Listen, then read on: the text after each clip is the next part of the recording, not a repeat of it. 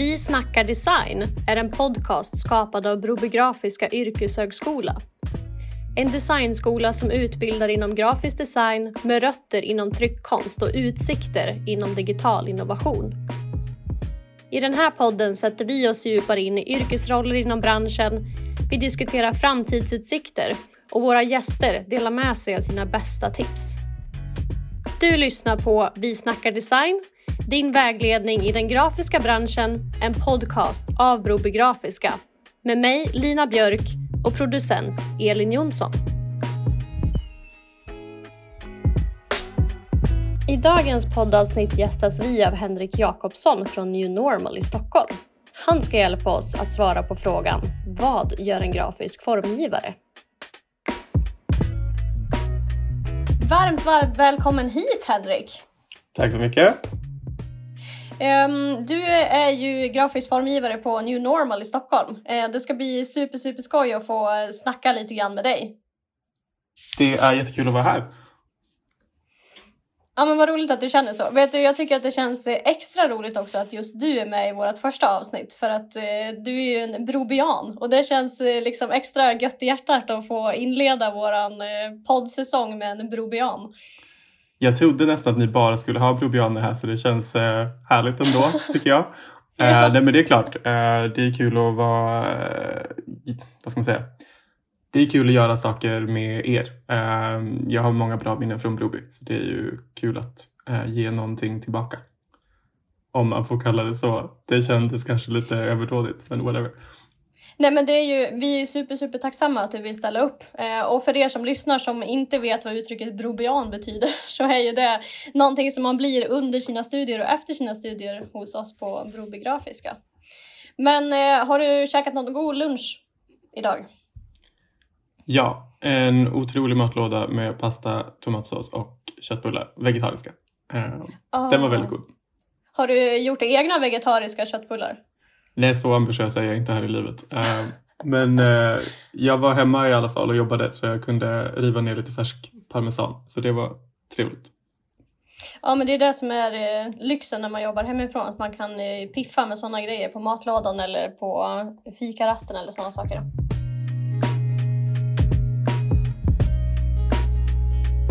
Eh, ja, men du jobbar ju som sagt på New Normal och eh, ni vann ju ett eh, guldägg förra året i maj för eh, ert arbete med eh, Fonus och kampanjen Djurenklingar. Och det är faktiskt en av mina favoritkampanjer. Jag älskar den. Den är så fantastisk.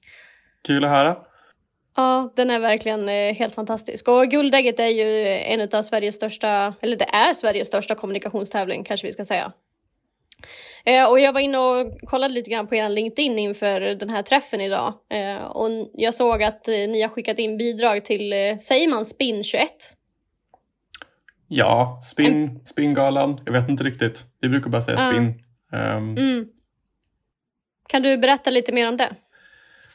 Spin är också en äh, tävling i branschen men äh, som har inriktning i PR. Äh, och vi är ju en byrå som jobbar väldigt mycket med PR och förtjänad kärna. Eh, så vi har skickat in ett gäng eh, bidrag till årets, eller ja, det blir nästan det blir en tävling som täcker över två år eftersom de inte hade någon under pandemin. Eh, så vi har ett gäng bidrag som vi har samlat på oss som vi är väldigt sugna på att tävla lite med, som vi hoppas på lite utdelning på. Ja, men jag såg att ni hade ju fått nomineringar till samtliga bidragen som ni har skickat in också. Jajamän, det gick, det gick väldigt bra. Ja, så alltså... nu är det bara att hoppas. Eh, det är ju gala i veckan så vi hoppas på att vinna några också. Ja men verkligen. Och kul att få gå, gå på gala live, eller? Ja, det är min första. Vi vann ju Guldägget eh, på en digital gala så vi satt ju i något mörkt konferensrum och fick ta emot det på länk. Liksom. eh, och sen kom det något så här stackars bud cyklandes med Guldägget typ en timme senare. Eh, ja. Men det var ändå väldigt härligt det var ju kul att få fira med, med kollegorna. Liksom. Ja, men vilken feeling att få vara på plats nu. Det är på torsdag det går av stapeln va? Eh, ja, precis. Så vi ska mm. gå typ hela byrån, så det ska bli väldigt roligt. Ja, men gud vad kul.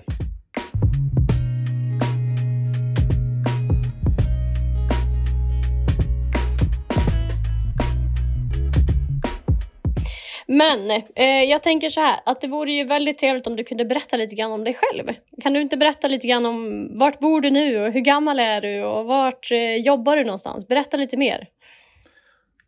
Yes, jag eh, är 26 år gammal. Är jag. Ehm, Um, jag bor i Stockholm i söderort. Um, I någon liten andrahandslägenhet. Um, för det är så livet är här.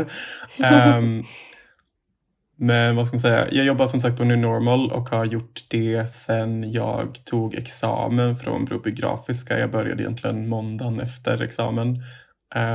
no rest for the wicked. men uh, vad ska man säga? Men hur trivs du i Stockholm då? Kommer du därifrån ifrån början? Eh, nej, jag kommer egentligen från eh, Umeå. Um, men jag trivs mm-hmm. väldigt bra i Stockholm. Um, och har ju bott här, vad blir det, tre år permanent och sen lite fram och tillbaka under tiden på Broby Grafiska eftersom jag gjorde praktik här i Stockholm. Um, så jag känner mig ganska van att bo här nu och har kommit väl in i Stockholmstempot. Och uh, kan sakna Umeå ibland men ja, det, jag tror att jag är lite fast här nu. Och du har ju studerat grafisk formgivare tekniker hos oss, eller hur? Yes. Yes.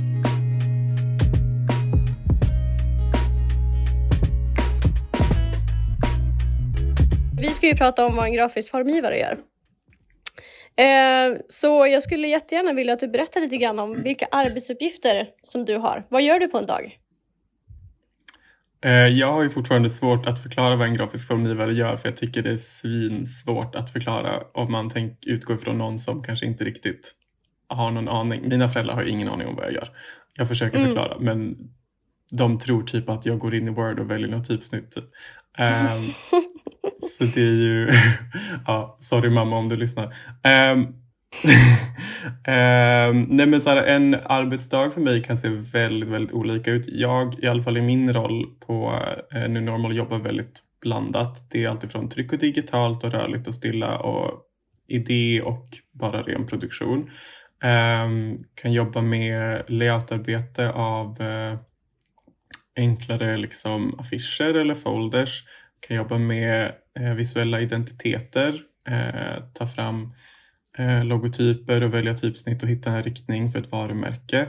Ehm, jag jobbar också ganska mycket med eh, motion design så det handlar om att eh, berätta liv i någonting som en gång var stilla. Ehm, göra liksom rörlig infografik eller korta klipp till sociala medier.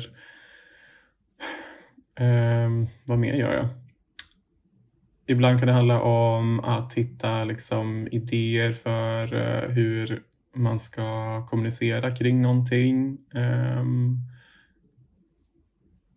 beroende på vad det är så kan det handla om att så här, allt, allt, allt ifrån ta fram koncept, storyboard, hela tjottaballongen uh, och ibland är det bara det rena uh, här har du ett manus och här har du en bild, gör någonting fint i formen A5. Um, så det är väldigt eh, gott och blandat tycker jag. Det låter ju som att det är väldigt brett i alla fall. Man får göra otroligt mycket olika saker. Det tycker jag verkligen. Ehm, jag upplever att jag har väldigt varierade arbetsuppgifter.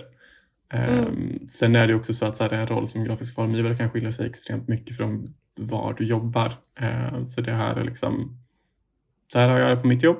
Men jag vet att många som jobbar på andra byråer kan ha Ehm, mm, kan jobba i liksom mer långsiktiga grejer med mycket längre projekt och många fler veckor av samma saker. Ehm, jag jobbar oftast med kortare grejer ehm, och liksom med lite snabbare projekt och så vidare. Men vad är ett kortare projekt då?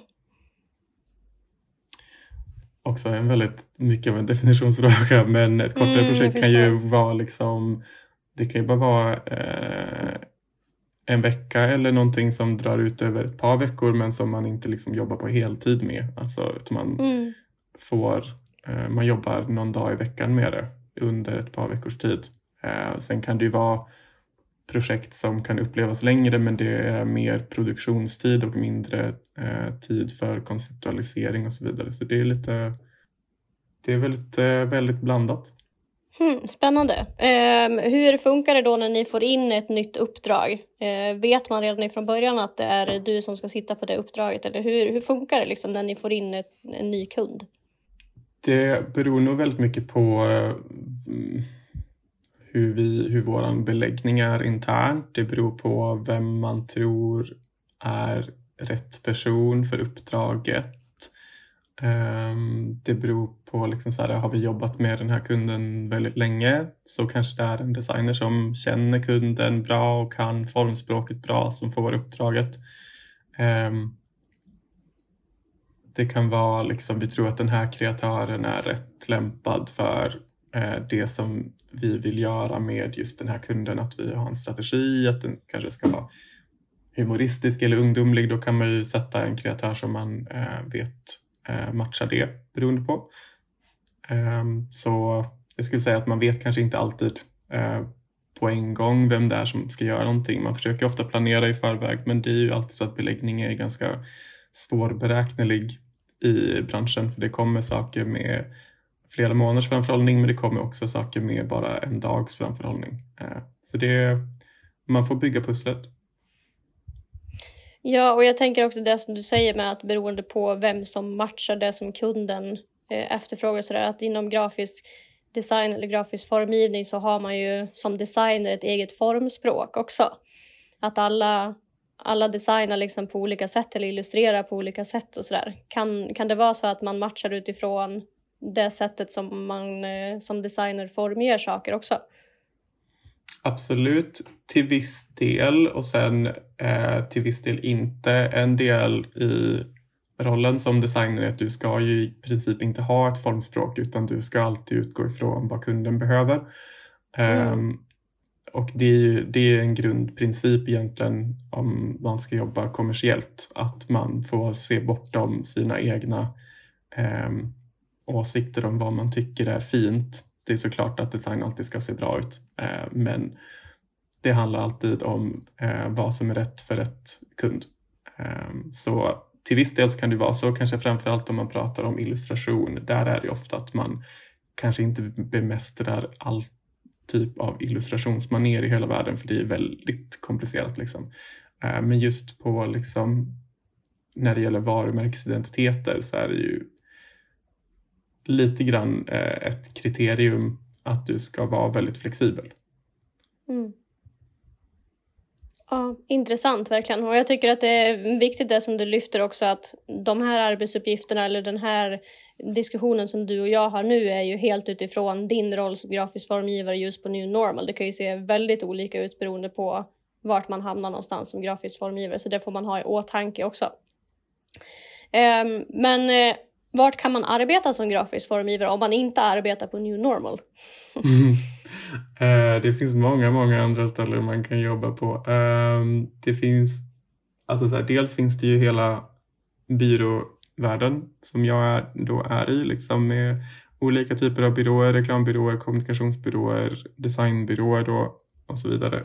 Eh, sen finns det ju liksom väldigt mycket möjlighet att jobba inhouse, eh, Eh, det vill säga att man jobbar hos ett företag istället för att man, alltså som på byrå så är man ju en konsult åt ett företag. Ehm, om man jobbar inhouse så handlar det om att man sitter på det företaget eller på den organisationen eller kommunen eller liksom sådär. Ehm, och jobbar med deras eh, kommunikation.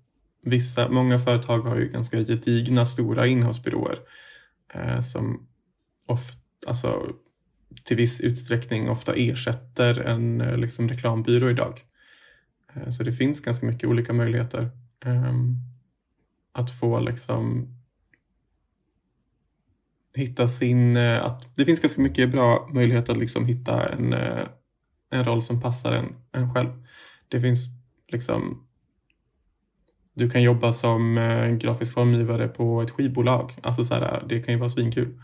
Um, för att då får du jobba med olika artister. Liksom. Det finns jättemånga olika möjligheter. På vilket sätt tror du att det kan skilja sig om man jobbar på en designbyrå eller om du jobbar inhouse? Ehm, det som jag tror framför allt skiljer är ju att eh, en byrå får jonglera väldigt många olika uppdrag och kunder. Ehm, och det kan vara både positivt och negativt. Det, kan ge, det ger ju en variation i vardagen. Ehm, men att jobba inhouse ger ju en, kan ofta ge dig mer tid att jobba på saker ehm, generellt så är det ju liksom för ett företag är det ju billigare att använda sig av någon som jobbar hos dig än att använda en konsult. Det är alltid mycket dyrare och det betyder att byrån ofta får mindre tid på sig eh, för saker än vad man får om man lägger det internt. Så mm den typen av liksom möjlighet att ha liksom, vad ska man säga, jobba väldigt länge på någonting, den tror jag kan skilja sig. Men eh, vart hittar du din inspiration och sådär när du arbetar med, med dina projekt? Det är lite olika. Ofta så tycker jag att så här, sen man började jobba med form så tittar man ju konstant på form i vardagen. Eh, så man plockar upp saker som man tycker om utan egentligen tänka så mycket på det. Och man plockar upp saker man, sätt man kan göra saker på, man plockar upp uttryck och allt möjligt. Så mycket hämtas egentligen från någon form av liksom internt bibliotek i huvudet av saker jag har sett som jag tycker funkar bra och tänkte gud vad smart, det där vill jag använda någon gång. Man, tittar, man kan titta på byråer och vad de har gjort. Man kan titta på liksom sådana här sidor som samlar ihop, alltså där folk lägger upp sina grejer. Behance, Dribble har ju för och nackdelar båda två. Pinterest eh, för att titta och avgöra mycket avgöra liksom så vad man gillar eller vad som känns rätt och vad som känns fel eh, för att få en tydligare bild i processen. Liksom. För det är ofta bra att ha ett tydligt mål. Ofta så är det bättre än att go in blind. Ja, och jag tänker så här spontant eh, när jag lyssnar på dig att om man vill eh, få inspiration eller om man arbetar inom formgivning på något sätt att eh, också så lyfta blicken lite grann. Eh, att det finns så himla mycket inspiration. Alltså när man är inne på matbutiken och handlar. Eh, alla förpackningar och reklam och allting, det finns ju hur mycket som helst. Att man kan försöka att lyfta perspektivet i, i vardagen också. Att allting behöver inte centreras till just Pinterest eller någonting sånt. För där kan man ju eh, annars lätt fastna. Ja, absolut. Jag jag tycker generellt att det är bäst att inte grotta ner sig för mycket på de sidorna för de, det är lätt att det skapas designtrender som egentligen bara gäller på dribble och som inte kommer ut i verkligheten.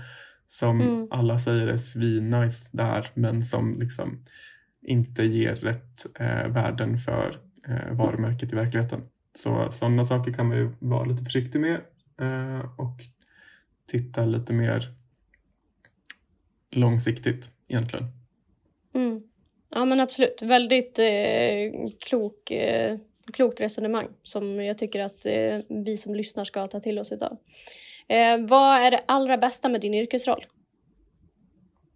Eh, det bästa med min yrkesroll är variationen och kreativiteten. Eh, det är att jag får nya saker att jobba med i princip varje dag. Eller okej, okay, inte får nya saker, men jag jobbar med varierande saker varje dag. Ehm, och en stor del, eller i princip allt jag gör, innebär någon form av eh, kreativ ansträngning liksom. I varierande grad såklart, men för mig är det väldigt skönt att få använda den delen av huvudet varje dag. Det är väldigt utvecklande och man känner att ju mer man använder den delen av hjärnan desto bättre går det. Det är verkligen så att eh, det är en, liksom en muskel som man får träna.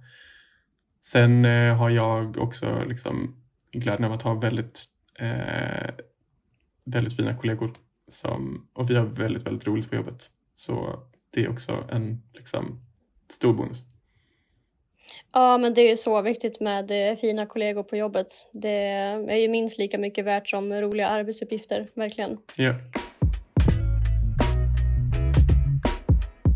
Vi har ju snackat ganska mycket om eh, vad en grafisk formgivare gör och vad det innebär och vad du gör till vardags och sådär. Men hur kom du dit du är idag? Alltså, hur, hur hände det? Jag är lite osäker egentligen. Um, om man ska dra någon form av så origin story så eh, när jag gick i högstadiet så tänkte jag att bara, okay, jag ska plugga bild på gymnasiet. Jag ska verkligen plugga bild för jag älskade att rita. Jag var duktig på det, alla sa att jag var duktig på att rita. Eh, sen höll jag på så mycket med bild i typ nian och så gick på parallellklassens lektioner och var där på alla så elevens valtimmar att jag blev fett less på det.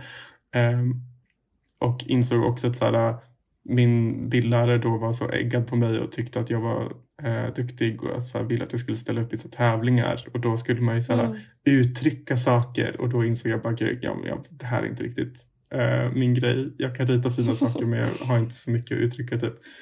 Um, så på något sätt så ramlade jag in på en så här medielinje på gymnasiet som också hade en inriktning grafisk design. Vilket är väldigt, väldigt ovanligt men det fanns och jag tror det finns fortfarande då eh, nu för tiden i Umeå. Um, så egentligen där, um, där hamnade jag på det spåret.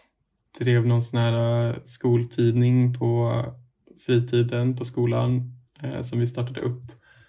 Sen uh, hamnade ner i någon form av uh, kulturförening där jag jobbade ideellt som grafisk formgivare på en festival under några år. Också svinkul. Sen gled jag iväg i några år och trodde att jag ville jobba mer med kulturbranschen istället men sen insåg jag att det var liksom lite liksom mycket typ utbrändhetsvibbar. Eh, mm, det var inte din, din cup of tea. Nej, det var, det, var liksom, det, var, det var mycket slit liksom. Um, uh. Fick man ett ganska tydligt intryck av att det var slitsamt. Um, och jag typ brann inte tillräckligt mycket för det. Så mm. uh, jag kommer typ inte riktigt ihåg hur jag ramlade in på Broby. För det är liksom, jag bodde i Umeå och Broby låg i Sunne. Det är inte en jättenaturlig grej men jag blev uh, av någon anledning så åkte jag ner på antagningsprov um, och tyckte det kändes nice. Och sen har jag bara typ inte kollat bakåt för det har känts bra hela tiden. Men eh, det är ju en sån här, alltså där du berättar om man är intresserad av formgivning eller tror att man skulle kunna tro sig lämpa sig väl på en utbildning som grafisk formgivare eller i branschen eller sådär. Så ideellt arbete är ju en toppenbra ingång för att få testa sådana typer av arbetsuppgifter. Bara för att se, är det här någonting för mig? Tycker jag att det här verkar skoj och roligt? Um, så det är ett väldigt bra tips som man kan ta med sig om man är intresserad. Ja, verkligen. Det, alltså, jag hade jättekul då och jag ja, man jobbade ideellt så man ska väl inte säga att man är skyldig någon någonting men det, liksom, det gav mig ju en chans att, så här, att testa mig själv och jobba skarpt och med riktiga mm. grejer som ändå liksom gick ut i liksom Alltså så här, jag minns att vi någon gång skulle göra en annons som skulle gå i Expressen och jag var helt lyrisk för det var det sjukaste jag varit med om. Jag var så nervös. Um, trycka upp några så vepor som hänger över torget i Umeå och så vidare. Det var ju liksom så här, det var ju svincoolt. Um, och liksom jättemycket värt att få uh, testa så mycket om man verkligen gillade själva jobbet. Um, mm. För det var ju liksom, vad ska man säga? Det var ju alltså, det var ju ändå ganska likt vad jag gör nu vissa dagar liksom. Eh, men som gjordes på ett ställe där jag kunde göra det helt utan utbildning. Liksom. Ja, och det är också en sån grej om man just nu lyssnar på det här poddavsnittet och pluggar grafisk formgivning eller någonting liknande så, och vill ha något sidoprojekt på sidan av och kunna visa upp i sin portfolio. Det finns ju hur mycket ideella föreningar som helst som behöver just den typen av kompetens. Eh, så det är ju precis som du säger ett ypperligt tillfälle att få testa på skarpa projekt och eh, få erfarenhet och allting sånt. Eh, så ta verkligen tillvara på det om man känner att man har, har tid och lust med det. Ja, supertips. Mm. Men hur ser framtidsutsikterna ut i, i branschen? Har du någon framtidsspaning? Jag tror att framtidsutsikterna är bra. Det som är liksom viktigt för en formgivare är att så här, när man kommer ut i branschen att man inte stannar av. Eh, för branschen mm. utvecklas extremt mycket och det kommer nya kaxiga studenter som har lärt sig coola grejer. Eh, och det är typ ganska lätt att bli utkonkurrerad. Eh, så det är viktigt att man hänger sig up to date eller klättrar till en roll där man inte behöver vara up to date.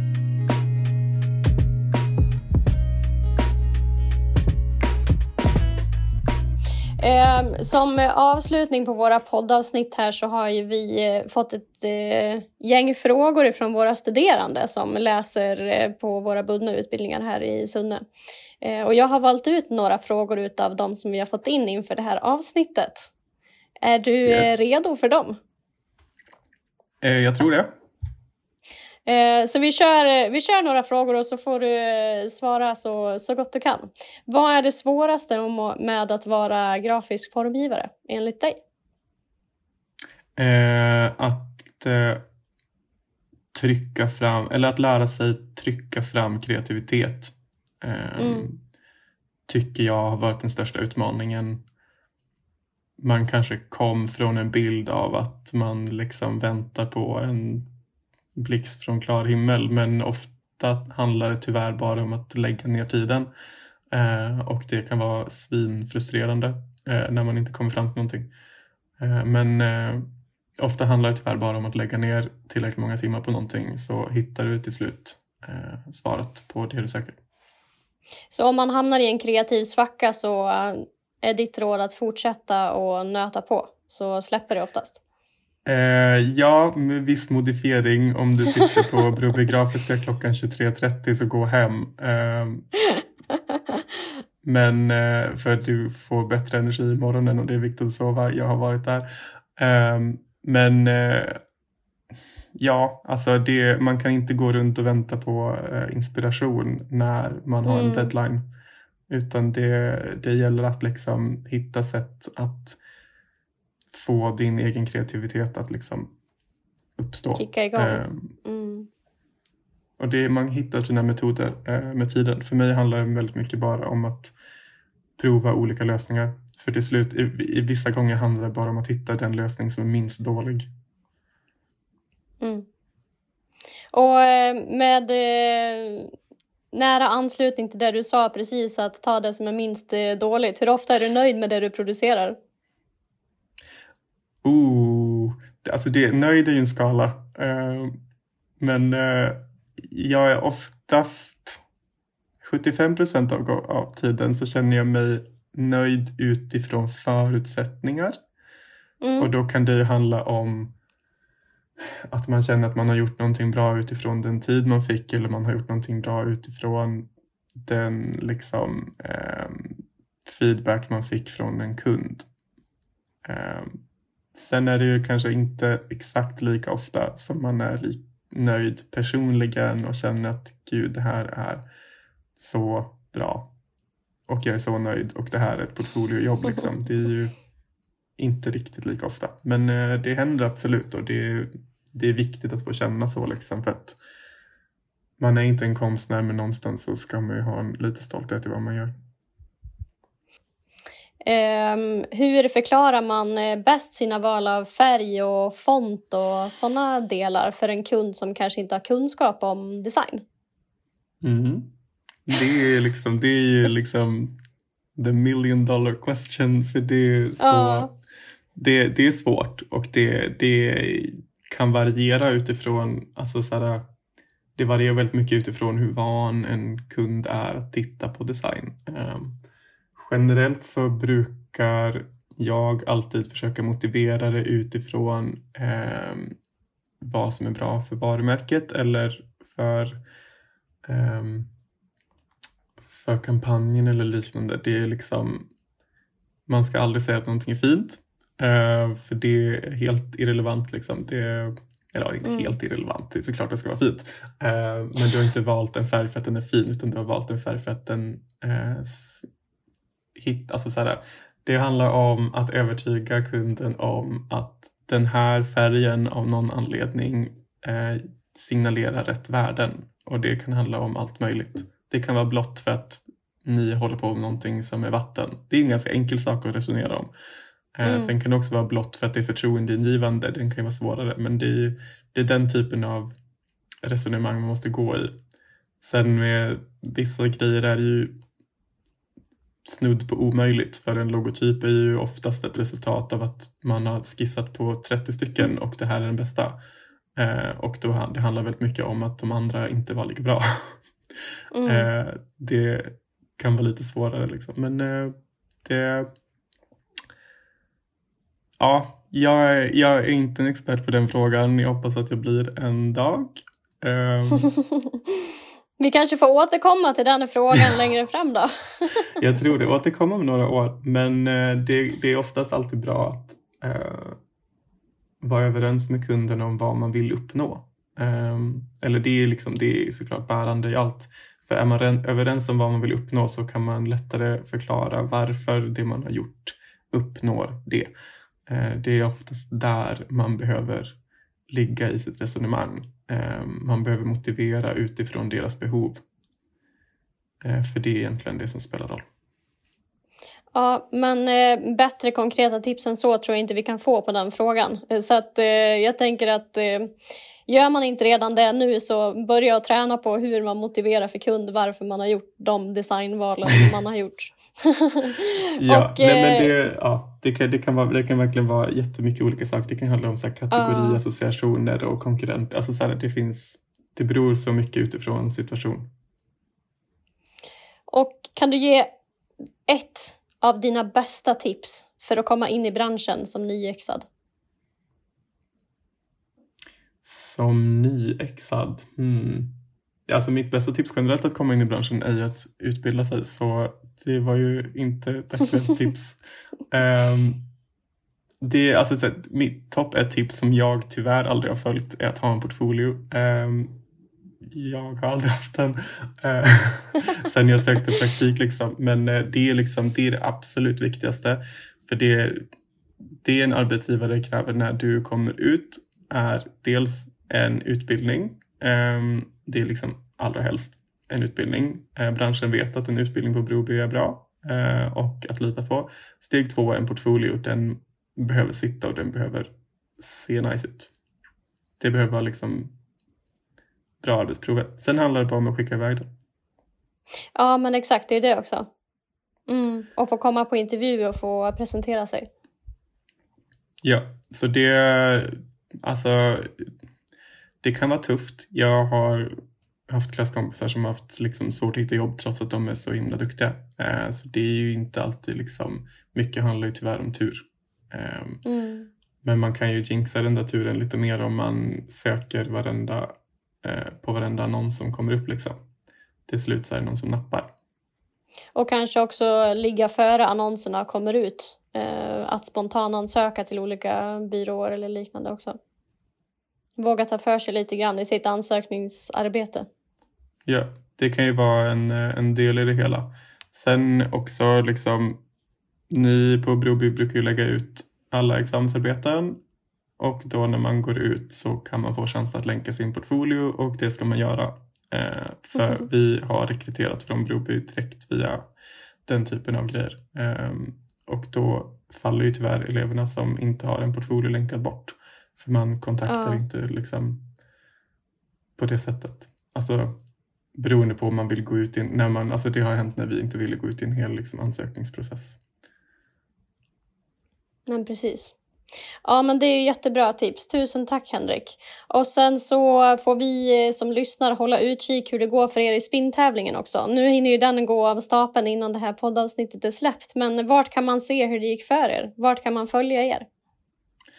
Um, man kan följa oss på vår hemsida som heter newnormal.se. Um, ehm, sen håller vi på att förhoppningsvis bli lite mer aktiva på LinkedIn och Instagram. Det är lite en sån här grej som tenderar att falla mellan stolarna men vi hoppas på att få lite ny, nytt liv i våra kanaler nu.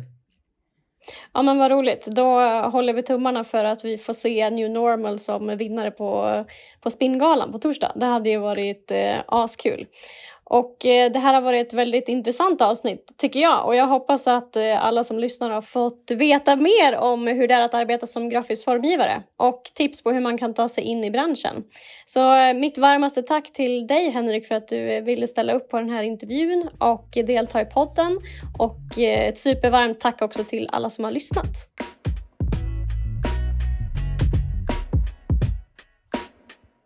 Har du några synpunkter tips på gäster eller kanske ämne som du vill att vi ska ta upp i podden?